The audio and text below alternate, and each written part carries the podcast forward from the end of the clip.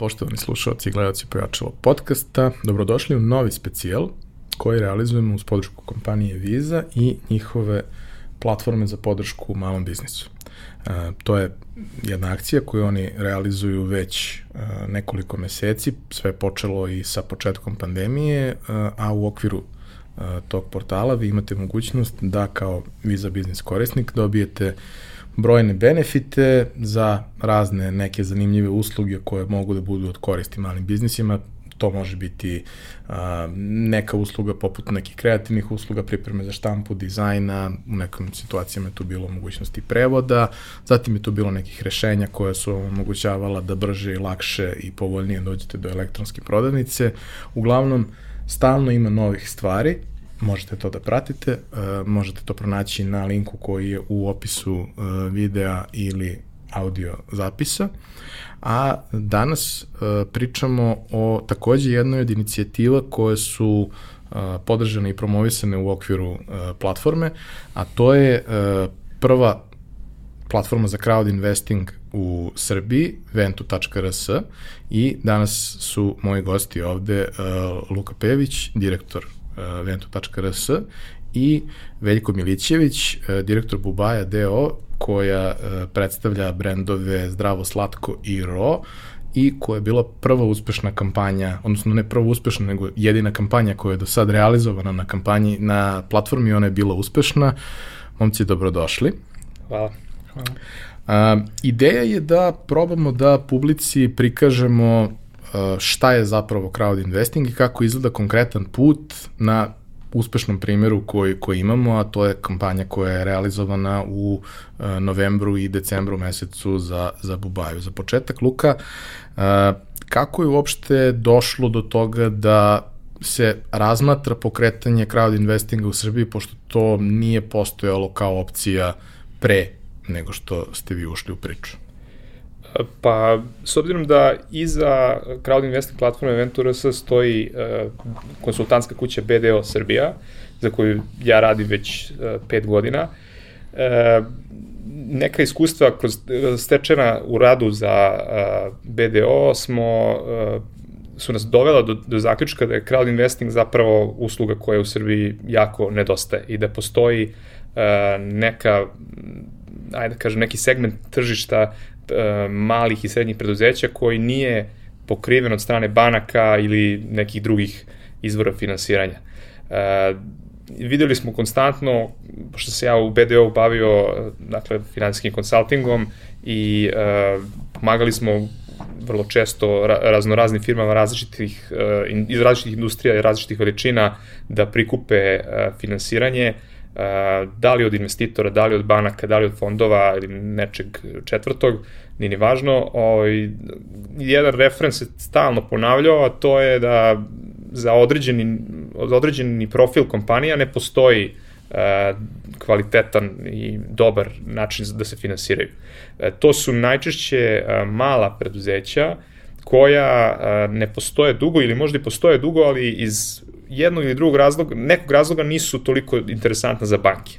I to se toliko puta ponavljalo ovaj, e, da zbog nekih mogu slobodno da kažem, administrativnih, birokratskih razloga koji, koji, koji banke moraju da se drže ili zbog regulative ili zbog prosto modela na, na kojem, po kome su izgrađene, e, zapravo ispaštaju jako zanimljivi biznisi sa puno potencijala koji zbog toga što recimo nemaju dva, ne postoje duže od dve godine ili zato što su imali neku vanredno lošu godinu u posljednje dve godine ili iz nekog tako ove, razloga koji uopšte ne govori o njihovom kvalitetu i njihovom potencijalu, oni ne mogu da se finansiraju uh, kroz bankarske kredite. Takođe, jako im je teško da dođu do nekog drugog e, neke, neke investicije recimo od, nekog profesionalnog investitora zato što su suviše mali za njih i e, neki fond zapravo njih uopšte ne, ne uzima u razmatranje. I to se toliko često ponavljalo u našoj praksi da smo rekli, ok, šta je to što bi možda moglo da se uh, uradi po tom pitanju, šta bi to BDO mogao da ponudi. I igru slučaja ja upoznam ljude iz Konda uh, platforme iz Beča, koji su pioniri crowd investinga u Austriji i sa njima smo kroz razgovore došli do uh, nekog modela koji je na kraju i zaživeo i koji sada, sada funkcioniše. Još jedan uh, od, od razloga koji, mislim, predstavljaju veliku priliku za, za crowd investing, a istovremeno i veliki problem za sve te male biznise, je to što uobičajeno ročnost tih kredita je vrlo kratka što je za male biznise veliki problem. Uh, obično je to 12 do 24 meseca, vrlo redko dalje od toga, ako neko planira neki relativno mali biznis, planira stratešku investiciju koja je značajna, onda verovatno neće moći bez nekih posledica na poslovanje da to servisira u tom nekom roku. Na koji način je to postavljeno kod crowd investinga? E, da, pa upravo to je takođe jedna od, od e, stvari s kojim smo se sretali uh, vrlo često u praksi. Dakle, ročnost nekih investicija koje kompanije moraju da preduzmu vrlo često prevazilazi 24 meseca, ovaj, jer prosto takav je posao. Na primer, daću jedan slučaj e, kao primer, kao odličan primer, da e, je jedan, jedna destilerija zapravo dobijala ponude samo do dve godine, kao što si ti rekao, ili možda je bilo tri, ajde, da, možda ću reći pogrešno, ali e, zapravo u procesu proizvodnje rakija mora da odleži isto onoliko koliko je ročnost kredita, što znači da onaj trenutak kada taj uh, proizvođač rakije može da krene da prodaje ono u što je ulagao i da prihoduje, on do tada već mora da isplati taj kredit, što je mislim neizvodljivo naravno.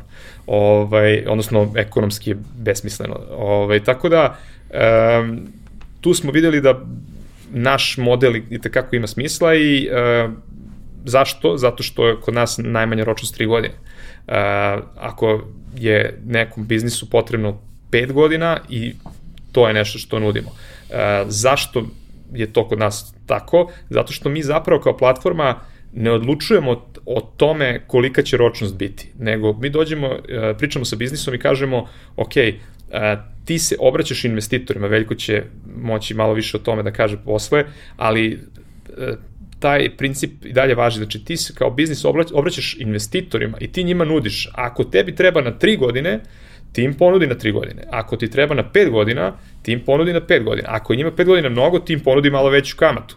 Ovaj, znači, koji je maksimalni rok na koji može da se traži uh, investing? Sedam. Sedam godina, da. Ovaj, ali e, važno je razumeti i to je ono što po pitanjima koje, koje konstantno dobijamo od, od raznoraznih zainteresovanih biznisa, odnosno preduzetnika, uh, vidimo da ljudi ne razumeju da smo mi samo uh, neka vrsta posrednika koji stoji sa jedne strane između uh, biznisa, a s druge strane je okrenut investitorima i zapravo ono što su uslovi finansiranja preko naše platforme, to je zapravo ponuda tog biznisa investitorima. Da bi investitori se odlučili da investiraju u neki biznis, ta ponuda mora da bude atraktivna. E, I ajde da kažem da ta, ta ročnost o kojoj si ti pričao zavisi od toga. Dakle, ako je ročnost veća, kamata kao što i kod, kod bankarskih kredita. Dakle, prosto rizik je malo veći uh, i kamata mora da bude veća. Ove, ovaj, ali mi ne uslovljavamo nikoga, ajde da kažemo da je tri godine minimum zbog nekih jer ako je ispod tri godine već postoje neki drugi uh, proizvodi koji to pokrivaju, uh, a iznad tri godine mislim da je, da je ono što nedostaje na tržištu.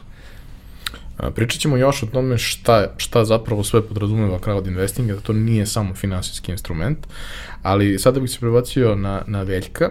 A, za ljude koji ne znaju, šta, čime se bavi Bubaja Deo? Pa Bubaja Deo uh, ima svoje dva brenda, kao što si rekao, Zdravo Slatko i Ro. Zdravo Slatko radi biljni kolače i torte sa prirodnim zasađivačima. Mi ih zovemo zdravim proizvodima tako mislimo da... Zdravim i slatkim. Zdravim i slatkim, jeste. A Ro, ovaj, Ro brand ima hladno ceđene soko, so, sokove, u, ljudi ih zovu detox sokovima, obično su tako prepoznatljivi, i kaše koje se koriste odmah, ovaj, neka zamena za neku pekaru ili za doručak ili za užinu. Znači, proizvodimo, da kažemo, neke slatke poslastice i sokove, to nam je glavni A, koliko dugo postojite? Pet godina već postojimo. Ono što je, što je e, bilo vrlo interesantno kada smo kroz priču o Venturosa prvi put došli u kontakt je da ste vi u tom trenutku jedna mala, ali stabilna firma koja ima sobstveni prodajni objekat, ima svoje uh, veoma lepo uređene, dobro organizovane proizvodne kapacitete i što je vrlo važno, sarađuje sa velikim lancima, što s jedne strane daje neku garanciju kvalitete i svega toga, ali svedoči i u ozbiljnosti biznisa i spremnosti da prosto servisira nekog mnogo većeg od sebe i mm, preživi uslove koji nisu baš uvek idealni u saradnji sa, sa takvim objektima. A, zašto je vama crowd investing delovao kao, kao dobar fit sa, sa onim što radite? Pa ovo, ovo je već Luka malo pre spomenuo. Banke, male firme prvo do dve godine poslovanja ne vide. To je to što vide kao da ne vide. Nešto što je bilo neki start-up krediti, to je nešto što smo mi čak i došli dobili, to nešto nestalo u roku 24 sata u neka dugovanja koje imaju lanci prema nam.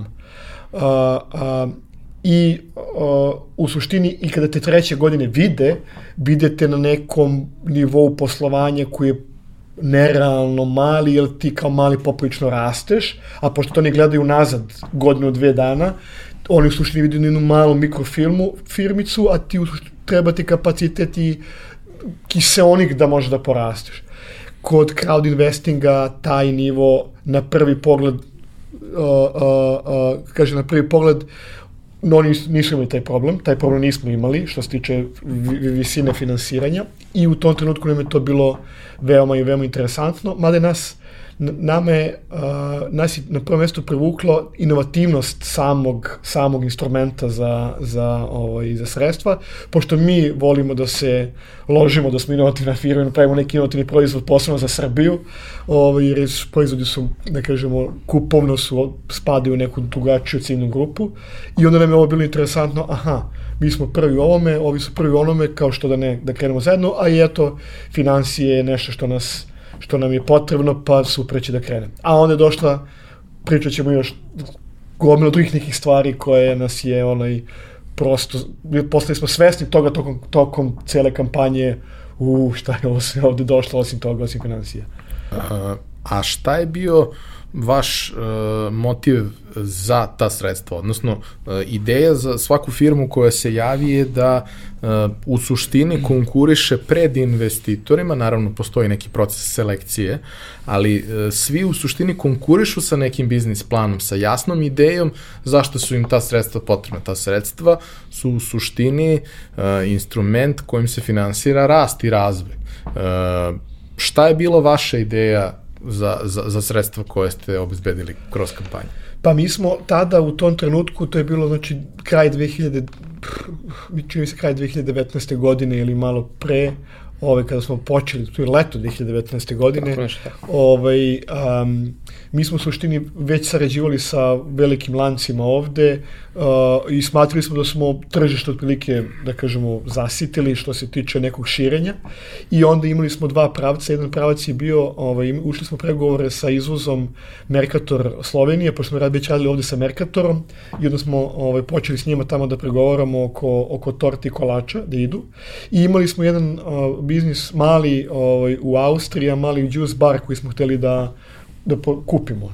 Sin nam je tada bio tamo i to su bilo neka dva pravca kako smo hteli da, da polako izlazimo na, na, na, na tržište i to je bila inicijalna kapisla da nam su nam potrebna sredstva da možemo da proizvodni kapacitet napunimo sa nekim izvoznim ovaj, potencijalom izvoznim proizvodom. To je bila, to je bila cela ideja. Uh, Luka, kad pričamo o crowd investingu, pričamo o financijama, ali pričamo i o još nekim drugim stvarima koji idu uz to. Uh, ono što, što se, uh, što svako ko je potencijalni investitor sigurno zanima je, uh, osim činjenice da svaka firma može da se javi, to ne znači da će svaka firma dobiti priliku i da se, da se ovaj, prikaže na platformi i da ponudi svoju ponudu uh, malim investitorima. Uh, šta su uslovi za ulistavanje na platformu?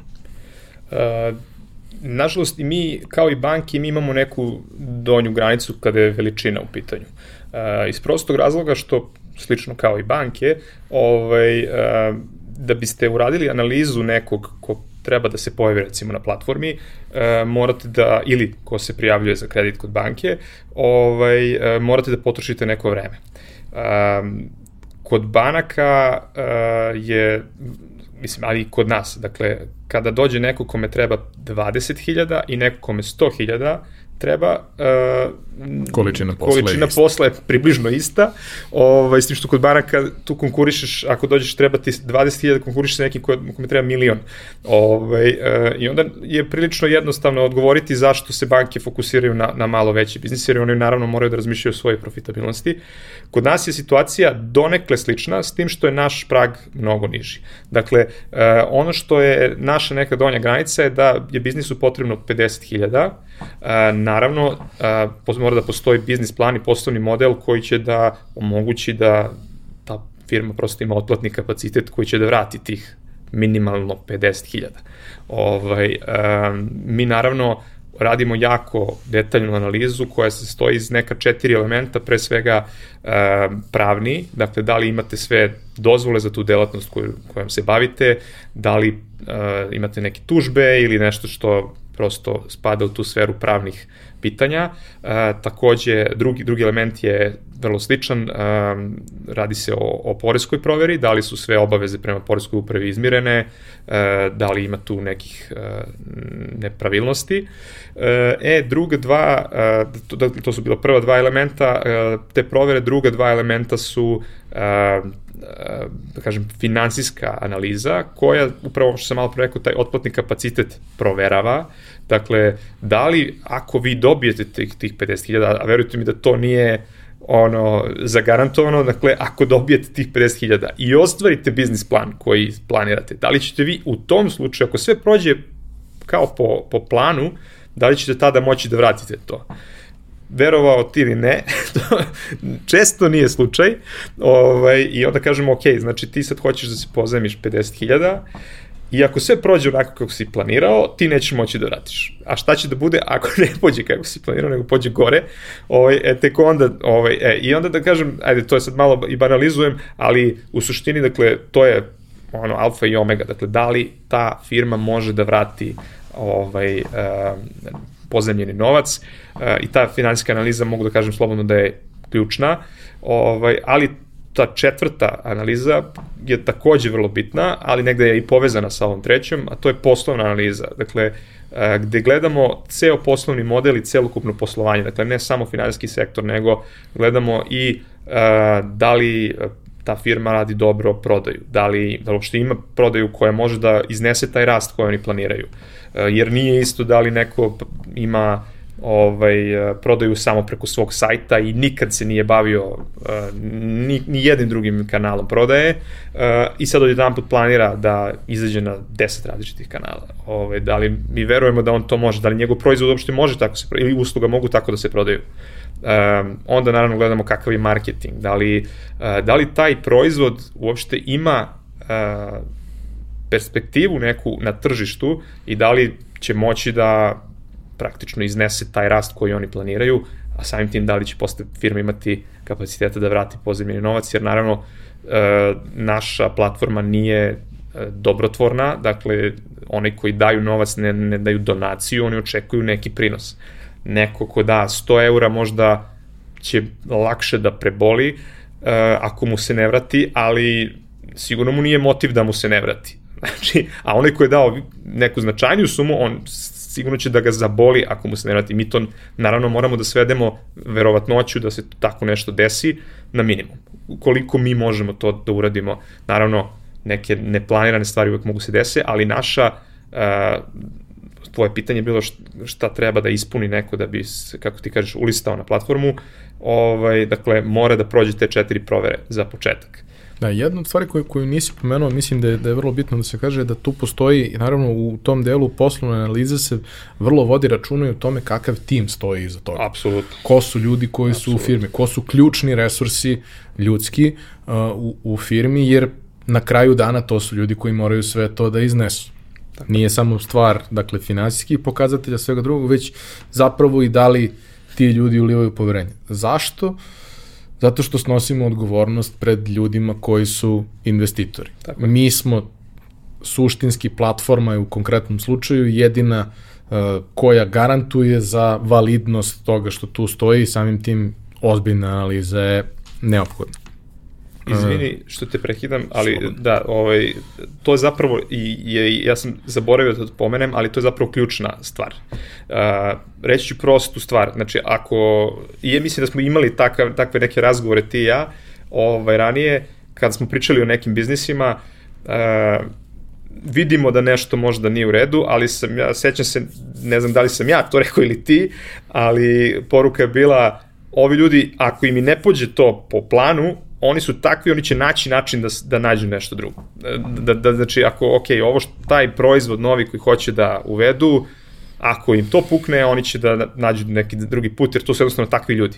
I zapravo je to, ti si potpuno pravo, ja sam zaboravio da pomenem, a zapravo je ključno ovaj, kakav tim stoji iza, iza biznisa. E, pošto je tim koji stoji iza Bubaja deo bio sjajan, i apsolutno ulio poverenje svih koji su, koji su bili uključeni i u proces selekcije i e, očigledno i investitora jer je u jako kratkom roku prikupljen prvo minimalni, onda i maksimalni iznos investicije, a onda su ljudi zvali da pitaju da li nekako mogu preko veze da i oni da učestvuju u celoj priči. A, kako je u vašem slučaju uh, izgledala izgradnja tog tima? Zato što pričamo upravo o inovativnom proizvodu. Nečemu što u tom trenutku na tržištu ne postoji ili makar ne postoji na taj način, odnosno kako to obično e, mi koji volimo da jedemo, a ja sam nekada spadao u tu grupu, ove, kako volimo da kažemo, ako je zdravo, verovatno nije i ukusno. Ove, dok ste vi uspeli da pomerite to i da napravite proizvode koji su zaista ostavljali vrlo snažan utisak na ljude, da, naravno, ulazak u mainstream e, sa, sa takvim proizvodom je nešto što na tržištu kao što je naš ide sporo, ali i tu ste prosto iz godine u godinu razvijali dobru tržišnu poziciju i rasli i stalno razvijali nove proizvode koje ste preključivali celoj priči. Ko su ključni ljudi koji stoje i kako ste ih uopšte našli? Kako uopšte krenula ideja da se, da se pravi nešto tako? Pa ideja je krenula, uh, neka je bila moja ideja da naravno zdravstveni problem pokušavam da ga rešim, uh, shvatam da lekovi ne, ne, ne, ne rešavaju u pitanju visokrevni pritisak, neidentifikovan u smislu ja nemam problema, samo mi aparat pokazuje. I onda ovaj, istražujem, istražujem, istražujem i dolazim do toga da zdrava ishrana može da reši tako nešto. I ja krećem da, da ovaj, u tu celu priču a, a, i shvatam da nemam šta slatko da pojedem. Ne mogu više da jedem voće, ne mogu više da jedem suvo voće, sve ostalo je puno belog šećera i svih ostalih stvari i ja krećem tako u kolači i torte. A, a, kaša mi je došla kao zamena za pekaru, morao sam nešto da doručkujem ovaj, a, a, a da to bude ovaj, a, a, brzo i jednostavno. Jeste, da. da može odmah da se, da se konzumira. A sok mi došao onako skroz kao sve se to skupilo i kao što hoću da popijem limonada i to i ulazim malo dublje u sokove od povrća koji imaju veću nutritivu, odatle su ovi došli sami, sami sokovi. I tako je krenula cela proizvodnja.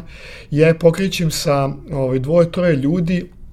Uh, jedan je uh, čovek koji je dugogodišnji pekar, koji mi radi sokove, koji je od prvog dana sa mnom i dan danas je sa mnom i on je u suštini jedini radnik koji je od prvog dana kao i, kao i ja u celoj, u celoj toj priči. Uh, um, posle nekih uh, godinu dana se priključila supruga koja je ušla u deo novca da ne razmišljamo o tom tamo, o tom tamo delu. Uh, u stvari posle tog čoveka posle par meseci došla jedna žena koja je sada šef ovaj, proizvodnje kao glavni poslastičar i ona je došla skroz to poslastičarstvo uči se u, to, u proizvodnji se učilo. Celi, svi ti procesi, mi smo ih, da kažemo, osmišljavali, izučavali. Kako to, je, da to nije klasično poslastičarstvo. Tako je, to nije klasično poslastičarstvo. I on je, u stvari, da kažemo, isto, da kažemo, najstariji ovaj radnik. Znači, njih dvoje iz proizvodnje. Uh, i supruga koja je ušla, koja je pričala, koja je ušla da, da vodi financije ili ima ovaj, iz, iz finanske sfere. I, I ja i to je, da kažemo, neki core tim koji je, koji je krenuo. A, a, pre nekih dve godine se sin pridružio na sa socijalnim mrežama i celotnom pričom marketinga, koja je u suštini sada prodaja, to komercijala kao klasična više ne postoji, sada je to marketing i cela ta priča odatle. I to je nešto što je, što je ovaj, što, što čini sada core team, u suštini nas troje radimo 16 sati dnevno na, na, na, na, na tome ovaj, i, i takav je biznis u Srbiji, ti moraš da radiš. Ne, ne postoje privatni biznis u Srbiji kao radim 6 sati, 8 sati na kući, ne, ne postoje vikendi, ne postoje rade nedelje, ja ću po u, u 1. maja ću sada da vozim nekoj ženi kilogram kolača, zašto mi ne rade firma, ali ja vozim jer to je prosto takav, A, takav sam si biro na kraju. Da, da, se jest. sam pao, sam se ubio. da, da. Uh, Luka, imamo tu i uh, onaj deo koji se dešava nakon što određeni biznis uh, prođe sve provere i bude prihvaćen kao adekvatan da, da se pojavi. Odnosno ne samo biznis, nego i konkretan biznis plan. Da. A, to je nešto što se, pored osnovnih informacija o biznisu, na platformi i prezentuje. Znači, postoji jedna pojednostavljena verzija sa svim važnim elementima biznis plana i to je ono sa čime se konkuriše pred uh, potencijalnim investitorima, ali uh, od trenutka kada je uh, biznis proglašen da je ok, da može da ide na platformu, šta se još dešava i na koji način se cela priča priprema da bude predstavljena javnosti? Um, to, tu već sad ulazimo u vrlo konkretne stvari kada, kada smo prošli provere. Uh, kao što si rekao, mora da se pripremi nešto što mi zovemo investicioni profil i uh, što zapravo treba da da, kao što si ti ponovit ću ovaj, još jednom, uh, da da uh, sve ključne informacije, ali u jednom formatu koji prosto rečeno neće da zamori ono ko čita i koje, uh, koji je pitak za malo širu publiku. Dakle, to nije klasičan biznis plan, E, to je nešto što, kao što smo rekli, sadrži sve što je važno, a opet može da se relativno brzo e, prođe. E, to zvuči onako kao neka sitnica koja je neka prezentacija koja treba onako da se ovaj, odradi e, brzo pa ćemo to da stavimo na platformu, međutim zapravo je to jedan jako ozbiljan proces koji oduzima puno vremena jer se tu e, preispituju neke stvari u biznisu, Veljko se sigurno toga do, vrlo dobro seća, ovaj, koliko smo mi sedeli prvo na tome da napravimo finansijski plan, da, da je on došao do nekih aha momenata ovaj, radeći sa mnom i gledajući u Excel u, kroz, kroz više sesija, ovaj, ali ne samo u, u finansijskom delu, nego i u tome šta je zapravo tržište uh, koje targetira uh, određena firma, šta je uh, um, ko su konkurenti, koje su prednosti konkurenata, koje, koje su prednosti uh, Bubaja DO u odnosu na konkurente. Dakle, tu je bilo jako puno uh, istraživanja i učenja uh, o samom biznisu i ja verujem da, da je Veljko, kao i mi, naučio jako puno o tom biznisu, a onda to što smo naučili smo prezentovali uh, investitorima. Uh, dakle, jedan vrlo, vrlo mukotrpan proces, ali to je proces koji bih ja preporučio svakome, nevezano za to da li prikuplja financije ili i obraća se investitorima ili to radi za, za sebe. Dakle, pardon, dakle, radi se o tome da svaki biznis koji prođe takav jedan proces će toliko da nauči o sebi da će mu sutra, mogu da to kvantifikujem, za 10% biti jasnije gde je i kuda treba da ide. A zapravo je taj procent vjerojatno i veći. Ovaj, tako da mislim da je to ključna stvar koja se dešava nakon što se uđe u proces uh, pripremanja kampanje. Naravno, tu je i ovaj malo formalniji deo, ali podjednako važan, a možda i, i, i važniji, a to je formulisanje ugovora. Jer ugovor zapravo sadrži ponudu uh, koju kompanija daje uh, investitorima. Dakle, koja je kamatna stopa, da li postoji bonus kamata, kako se on izračunava, koja je ročnost, uh, koje su obaveze biznisa koji je dobio to, taj zajam. Dakle, tu ima jako puno stvari koje su zapravo ključne jer regulišu taj odnos investitora i, i biznisa. naravno, potpisuje se ugovor sa nama kao platformom, to je, da kažem, naj, najkraći, naj, najbrži e, korak e, u toj pripremi kampanje.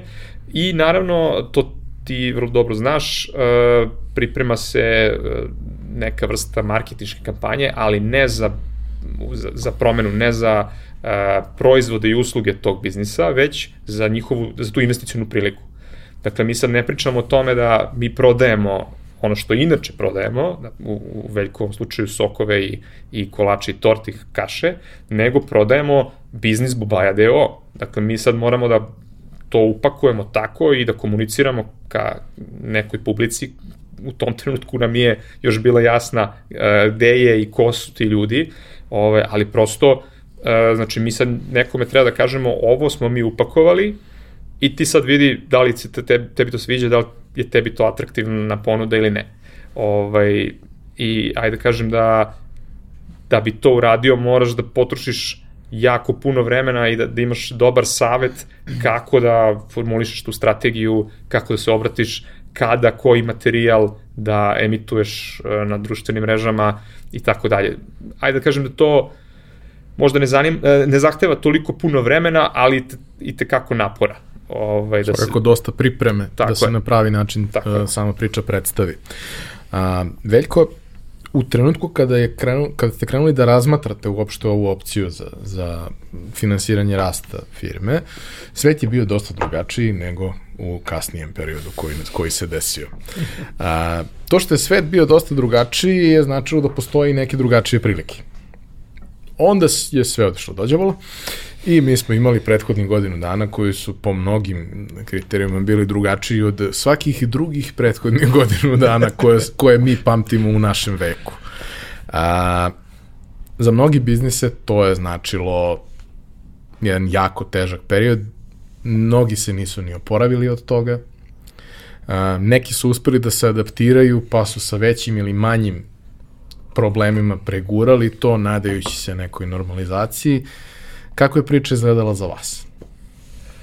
Pa, mislim, definitivno je težak period za na, i za nas bio. Strašno, strašno težak. Uh, um, naravno, naši planovi uh, sa Slovenijom i Austrijom su nestali 15. 16. marta, malo neki dan posle toga, ove prošle godine. Um, I mi smo, uh, imali smo fazu uh, čekanja da prođe, koja je trajala nekoliko meseci, mislili smo to, to, to, to prolazi sad i vraćamo se na staro.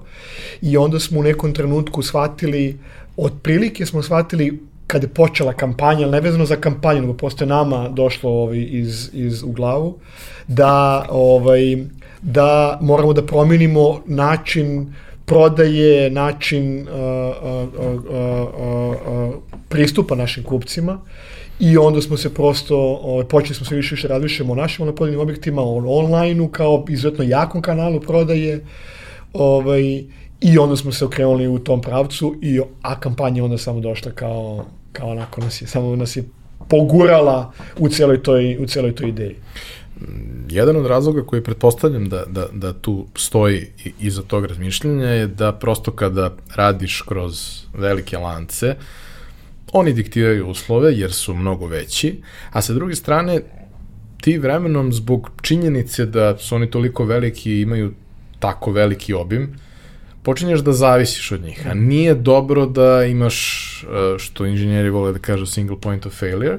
Ovaj, u ovom slučaju ne jedan, pošto ste vi u više lanaca bili, ali ovaj, svakako da, da moraš da zavisiš od više velikih igrača kojima kojima si ti nebitan, a koji su tebi jako bitni. A sa druge strane, prodaja kroz lance e, može da bude vrlo legitimna strategija za rast i za povećanje publike i sve, ali svakako ostavlja mnogo manji profit. Po prirodi stvari ima još jedan red usta koji moraju da budu nahranjeni u tom procesu i negde je prirodno da, da prosto se odričeš dela profita jer oni rade tvoj deo posla na plasmanu svega toga. A, novac koji je bio uh, inicijalno zamišljen za razvoj i, i, i izvoza i da kažemo te priče je sada preusmeren na neke lokalne prilike. Šta ste konkretno uradili od decembra do, do danas kada, kada pričamo o, o, o tim aktivnostima lokalne? Da. Pa, dobro si rekao, lanci nose svoje, svoju priču i nose neke svoje prilike. Nama su bile ideja lanci da nam podinu kapacitet proizvodnje da možda izađemo na izvoz. Pošto od izvoza nije bilo ništa, lanci su počeli stravično da padaju sa svojom prodajom.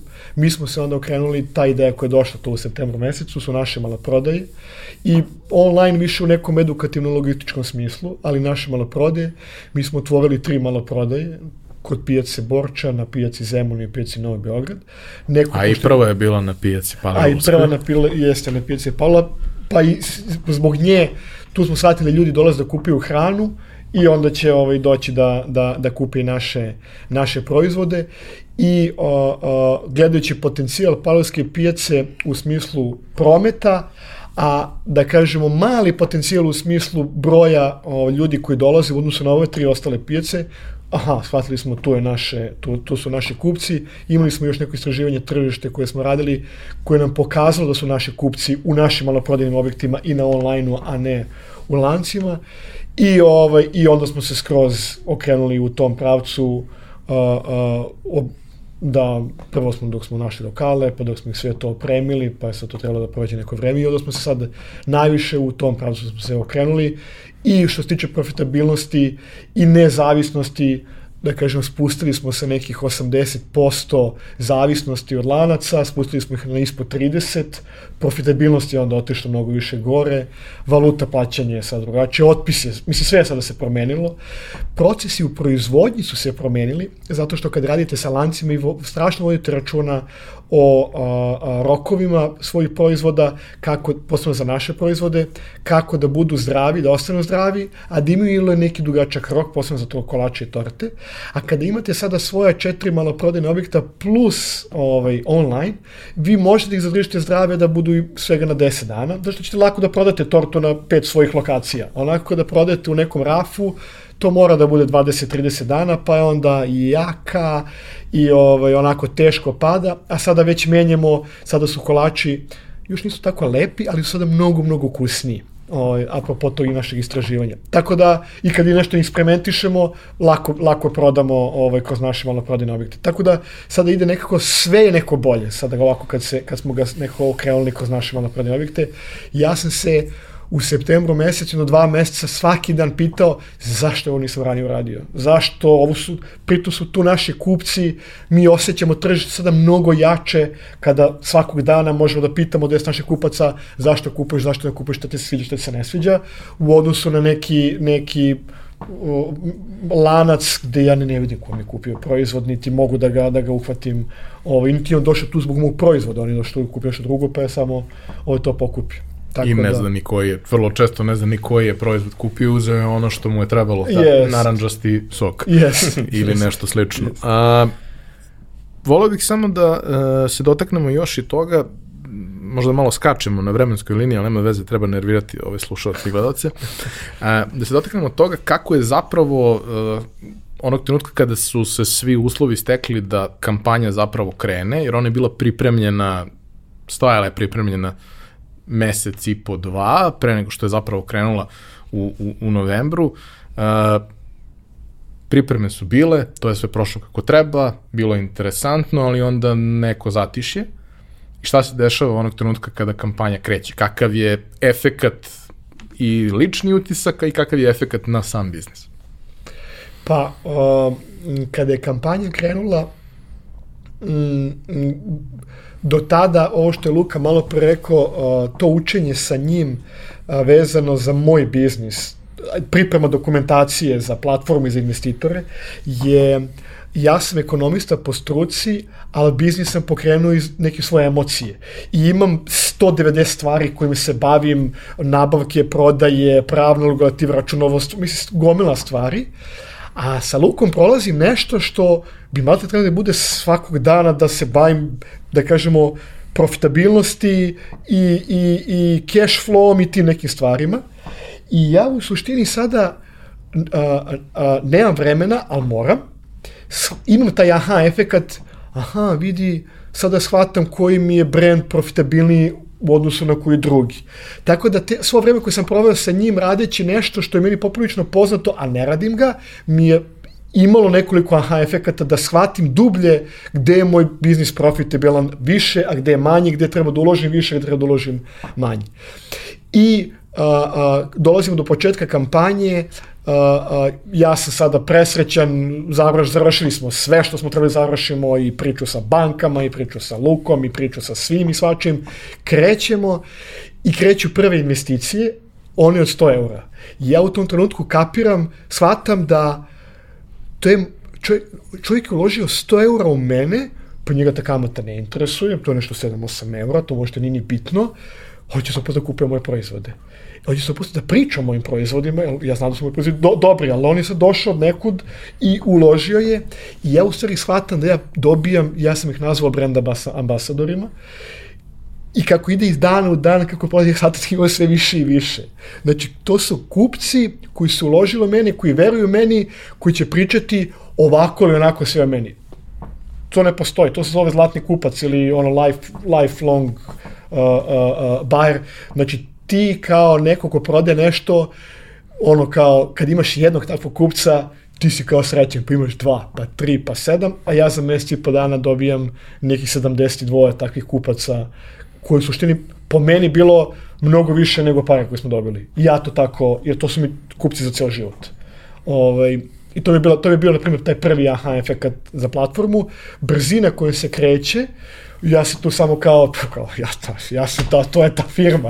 I Luka i Ivan su nešto napravili, ali kao to je to, oni to ovaj, ja tu sad ne razumem koja je brzina dobra, ovaj, koja je, šta je to brzo, šta je sporo, samo sam srećan što to ide dovoljno brzo, ali meni u suštini ovaj, a, kupci i neka medijska pažnja koja je, koja je koja se je privukla kroz crowd investing, ali ja tu vidim svoj prostor da ja ispromovišem ovaj svoj brand i onda mi je ta medijska priča televizije i, i novine i, i radija, ja to ne bi dobio, mislim ne bi dobio, nemam da platim, to mi dolazi kao totalni benefit koji opet kažem košta ko zna koliko bi koštalo da to mogu sve da i ne samo tokom kampanje, nego i posle kampanje je ostalo, ja sam pre dva, tri, dve, tri nedelje snimao za Vojvodinu emisiju koja govori i o crowd investingu i o mom brendu, eto, znači koliko je prošlo nekoliko meseci posle toga. Tako da taj efekat medijski koji male firme nema šanse da mogu da, da, da plate je ostao, je ostao tu. Vidim, e, možda će biti, svi se mi nadamo da će biti mnogo kampanja, ali će se uvek svi pamtiti ko je bio prvi, tako da to svakako ovaj, nije mala stvar. A, Luka, voleo bih samo za, za kraj da e, doslikamo još taj jedan detalj koji, koji fali u celoj priči, a, a to je da neke osnovne parametre ljudima damo. Dakle, koja je minimalna investicija koju neko može da traži? Koja je minimalna investicija koju neko može da napravi? Koje su, koji je raspon kamatnih stopa, ročnosti, svega toga, čisto da to ljudima posložimo, da eto imaju za Parametri. minut, dva parametra u okviru kojih treba da razmišljaju. Jasno. Kao što sam rekao, neki minimum za ajde, barem gornji uh, maksimalni cilj kampanje, kao što je bio slučaj kod Veljka, je uh, 50.000 eura. Dakle, ukoliko stremite nekoj manjoj cifri, odnosno manjem iznosu, možda mi nismo, odnosno verovatno mi nismo pravi izbor za vas. A ako tražite iznad 50.000, uh, imamo, imamo osnova da pričamo. Naravno, nismo mi striktni oko toga toliko, dakle tu postoji neka fleksibilnost i to hoću da kažem, uh, mnogo toga što je vezano za nas kao neku vrstu usluge je zapravo bazira se na fleksibilnosti. I to je ono što nas izdvaja u velikoj meri od nekih drugih drugih finansijskih usluga, odnosno od, od finansijskih usluga, mi zapravo nismo zakonski prepoznati kao finansijska usluga. Ovaj, dakle, mi imamo uh, tu mogućnost da pregovaramo sa nekim. Dakle, kažem, 50.000 je uh, nešto što mi vidimo kao minimum, ali ako dođe neko ko nam se učini da, da, da je dobar biznis, pa ako mu je 50 mnogo, a 40 mu je ok, onda spustit ćemo. Mislim, uh, ali ne bi trebalo da, da idemo puno ispod toga.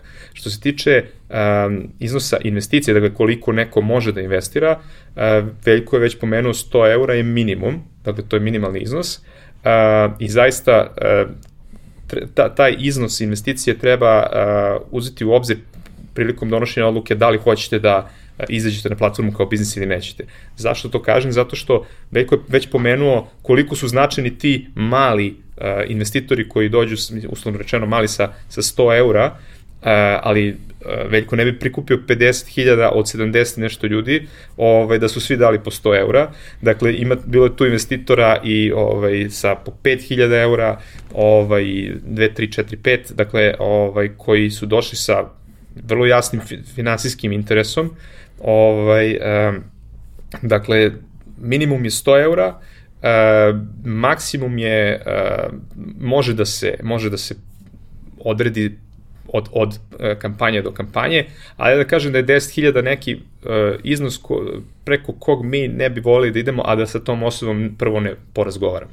Zašto? Zato što uh, mi zaista želimo da podstaknemo odgovorno i zaduživanje i investiranje. I ako neko želi da u Srbiji investira više od 10.000, ja bih volao da prvo popričam sa njim i da mu još jednom, iako mi to svuda eksplicitno objašnjavamo, još jednom da predstavim koji su potencijalni rizici.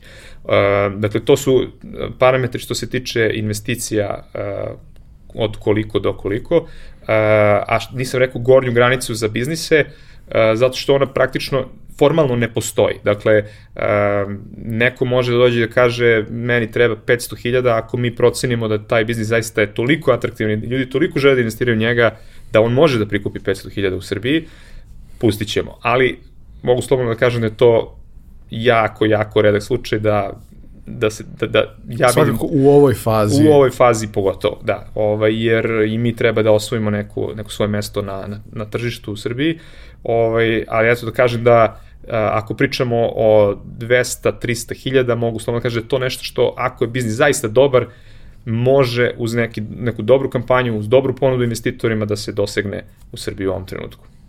A, šta je još bitno? Bitno je da, da damo a, kako prosto stvari funkcionišu na vremenskoj liniji od trenutka kada, kada se krene u bilo kakvu priču, koliko je vremena potrebno za ove provere, za pripremu kampanje, koliko traje kampanja i kako nakon toga idu obaveze?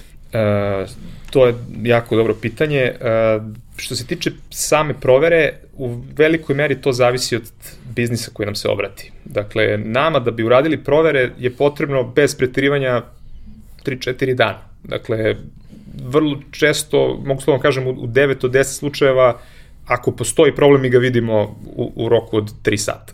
znači tako da ovaj ta provera neće toliko dugo da traje.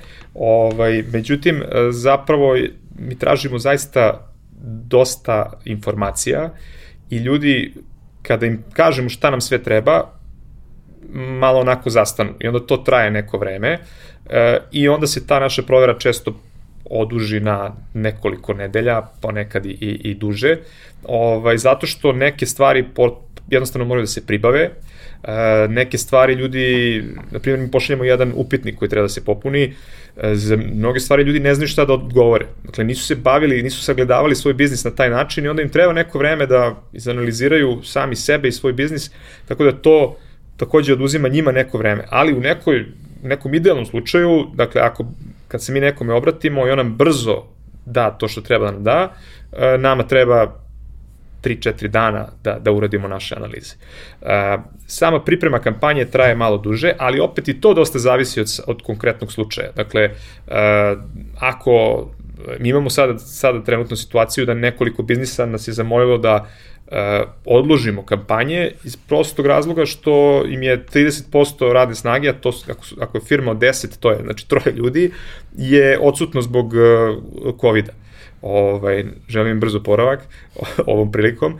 Ovaj, dakle, prosto uh, jedno, ljudi nemaju, nemaju u tom trenutku vremena da se bave nama i ne mogu, nemaju vremena da se bave finansiranjem. Moramo... Generalno malim biznisima je problem da nađu vreme za takve Tako stvari. Je. Ako, ako im nekim čudnim spletom konsti nije problem i mogu da odvoje vreme, mi zaista brzo možemo to da napravimo. Ali ja mogu slovno kažem da je nekih mesec dana minimum vremena koliko je potrebno da se, da se pripremi ta investicijona prilika, odnosno prezentacija, da se pripremi ugovor, naravno, to sve može i mnogo brže, ali podrazumeva zaista intenzivno učešće a, biznisa. Kampanja traje minimalno a, mesec i po dana, koliko je trajala a, Veljkova, naravno oni su završili malo brže, ali ovaj ali ovaj bilo je određeno mesec i po dana. A, može da traje do 4 meseca, to ajde kažem 4 meseca bi bilo ako je iznos mnogo veći od 50.000. E, I e, rok otplate počinje kada se kampanja, ako se uspešno završi, kada e, biznis dobije taj, odnosno kada firma dobije taj novac, e, onda kreće se u otplatu koja, kao što sam rekao, može traje minimalno 3 godine, maksimalno 7. I postoji određeni period kada firma nema obaveze ka, tako je, tako je. Ovaj, kamata može da se isplaćuje kvartalno, polugodišnje ili godišnje. Takođe, glavnica može se vraća, odnosno vraća se ili u, u, u, u principu istom dinamikom kao što se plaća i, i kamata, s tim što uh, postoji neki grace period od recimo 12 meseci. Je ne, nešto što je, mogu kažem, maksimum koliko, koliko možemo da ostavimo, što znači da u nekom slučaju, recimo, ako godišnje plaćate kamatu, znači danas kad, ako dobijete zajam, za godinu dana ćete imati uh, prvu uh, ratu od glavnice koju treba da vratite i uh, prvu kamatu koju treba da se plati. Dobro, sve informacije koje eventualno mogu nekome da zatrebaju se nalaze na eventu.rs tu imate kontakt podatke, možete pisati Luki vezano za vaš konkretni slučaj i vaš konkretan biznis, ali ono što, što je bitno da naglasimo je da Ventu.rs je platforma koja finansira rast biznisa, postojećih biznisa, da to nisu neke nove ideje koje nisu materializovane, nije se sa njima počelo, već to mora da bude nešto što uh, postoji, da možda na neki način da kažemo tržišno je potvrđeno i sada mu je potreban upravo kao, kao što je Veljko rekao, kiseonik da prodiše, da poraste, da dobije uh, na snazi i kapacitetu. Dakle, ako je biznis takav, to je verovatno dobar fit. Ako biznis nije takav, i dalje se uputite da vidite koje su mogućnosti, jer u pripremu može da se krene i ranije. Tako. I uh, Ventu je vrlo spreman da da i savet i da usmeri biznise koji razmišljaju o tome za šest meseci, devet meseci kada se stvore uslovi. Tako da svakako ako imate u vidu uh, nekakav rast u narednom periodu, imate potrebe za kapitalom i svim onim ostalim što se kroz crowd investing dobija, uh, treba da se javite. Veljko, uh, volio bih uh, za kraj od tebe jedan uh, savet svima koji u ovom trenutku su ovo odslušali, deluje im interesantno. Uh, da li odnosno jasno je da, da bi verovatno trebalo da uđu u to jer je tvoje iskustvo pozitivno, ali prosto uh, čime bi, sada kada znaš kako sve izgleda i kada si prošao kroz sve to, čime bi ljudi trebalo da se vode kada se odlučuju da, da se jave i da uđu u ovako neku priču? Pa evo ja sad razmišljam dok me ti pitaš šta bi bilo da ja nisam ušao i da sam ja sad ovde neki potencijalni koji bih hteo da uđe u, u, ovaj, u priču sa, sa, sa Ventures. Um, mm, a da i priznam ovo što sada, što, što sada, što sada znam. I a, a, meni je ovo na prvom mestu kao preduzetniku a, poslovna prilika. Poslovna prilika a, zato što a, a, dobiješ četiri, pet stvari u jednom. Dobiješ da poznaješ firmu, iako misliš da je znaš, ne znaš je toliko dobro koliko misliš da ćeš, ovaj, da će znati kada budeš prošao ovakav jedan uh, pripremu za, za kampanju. Dobit ćeš svoje brand ambasadore, dobit ćeš marketing kakav ne možeš da platiš, niti ga možeš dobiti za narednih godinu dana, što kroz preporuke drugih ljudi, što kroz medijsku priču koja će te, koja će te ispratiti, ne mora da bude neka sad medijska kao što je bila za prvu kampanju, ali će svakako biti propraćeno kroz sve mreže i dobit ćeš na kraju sredstva da možeš da radiš nezavisno od banaka za ono što si planirao, gde garantuješ nekim svojim poslovnim, dosadašnjim, dotadašnjim ovaj, bonitetom, tako da ćeš dobiti maltene pet stvari u jednoj stvari. Men, za mene je to prilika, naučit ćeš mnogo, što je osnovna stvar elementarna svakog preduzetnika da učiš non stop, ali ovih nekoliko stvari ćeš dobiti u jednom i to prosto ne treba, ne treba propustiti. Veljko, hvala. Luka, hvala. Hvala vama što ste nas slušali i gledali. hvala kompaniji Visa koja podržava realizaciju uh, ovog serijala. Uh, oni radi neke vrlo zanimljive stvari u okviru svoje platforme za podršku u malom biznisu. Uh, najjednostavniji način da do nje dođete da ili potražite Visa platforma za podršku malom biznisu ili da kliknete na link koji se nalazi u opisu epizode i na audio platformama i na YouTube-u. Naći ćete svašta nešto zanimljivo tamo, možda baš nešto što je potrebno vašem biznisu. Ja vas sada pozdravljam, vidimo se i čujemo u redovnoj epizodi u nedelju, a naredne srede u novoj specijalnoj epizodi. Hvala vam.